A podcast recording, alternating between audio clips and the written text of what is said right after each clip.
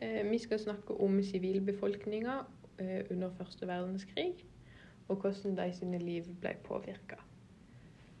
Eh, under krigen var det masse propaganda som var retta mot sivilbefolkninga. Krigførerne trengte flere soldater i krigen og ville derfor at sivile menn skulle melde seg til tjeneste. Og etter hvert så ble det òg propaganda retta mot kvinnene, som da industrien trengte flere kvinner til å arbeide. Akkurat som du sa om at barn ble påvirket av propaganda, eh, som f.eks. i Frankrike, særlig etter at de tapte mot Preussen i 1871, så mente jo da regjeringa at eh, en stor del av den årsaken til at dette nederlaget var det skyldtes feilutdanning. Så derfor så fremma de eh, styrking av patriotisme gjennom utdanninga. Ja, og så litt videre om barn.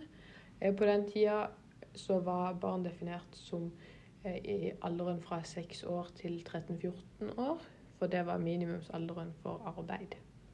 Ja, og barn ble jo eh, veldig påvirka av krigen. De ble hovedsakelig påvirka av krigen gjennom eh, at skolehverdagen hadde blitt annerledes, og at foreldrene var ikke nødvendigvis like mye til stede som de var tidligere. Og mange opplevde òg at eh, enkelte i familien ikke overlevde.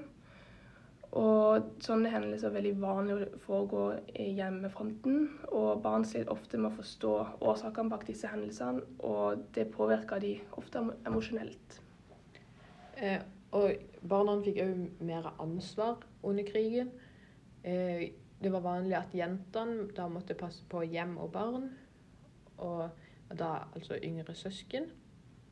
Mens eh, guttene kunne ta litt tyngre jobber, som må hjelpe til med gårdbruk, eller de som dyrker mat hjemme òg.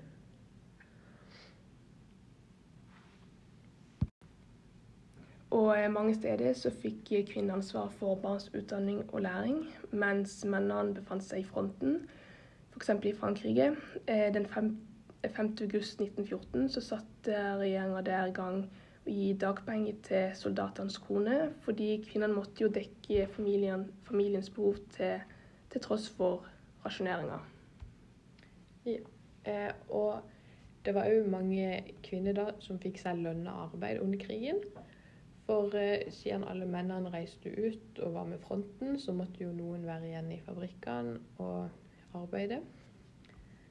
Um, de tok da litt mannsdominerte yrker, f.eks. i ammunisjonsfabrikkene, der de fylte granater, monterte bomber og de sveisa. Og i Tyskland i 1918 så var 55% av industriarbeiderne kvinner.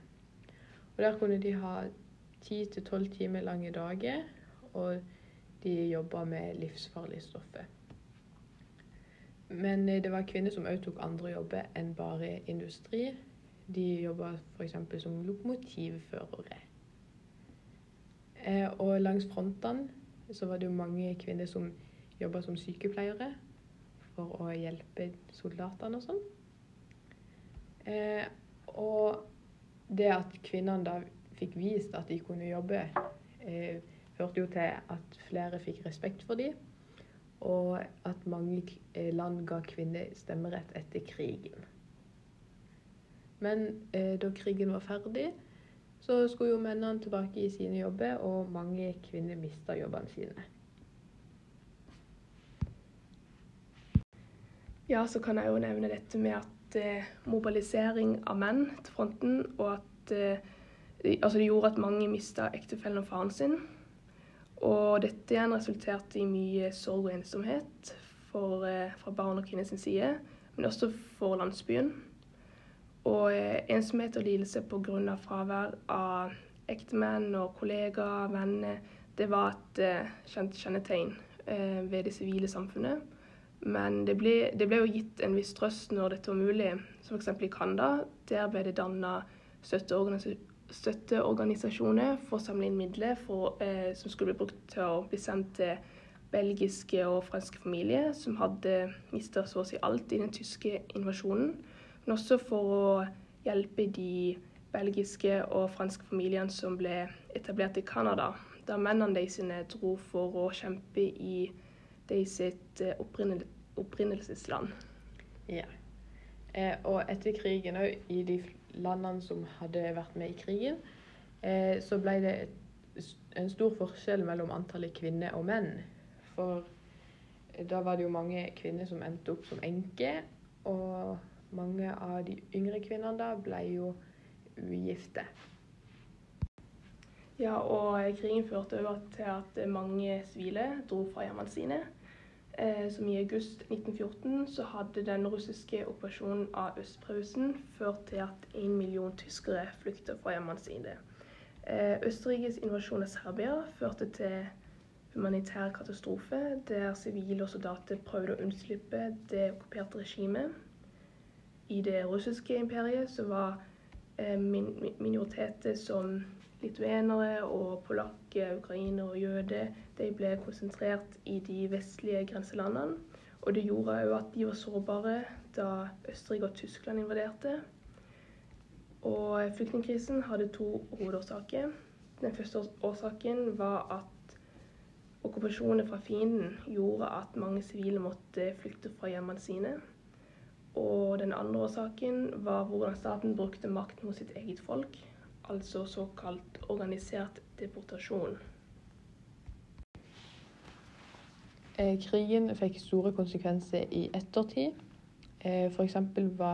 ble jordene eh, forurensa med kjemikalier, og det lå rester etter våpen og krigføring rundt, som da påvirka hvordan de kunne dyrke mat. Og utallige lik måtte hentes og begraves. Og de som da hadde flykta tidligere i krigen, ville jo gjerne hjem, men mange av landsbyene var jevna med jorda. Takk for oss.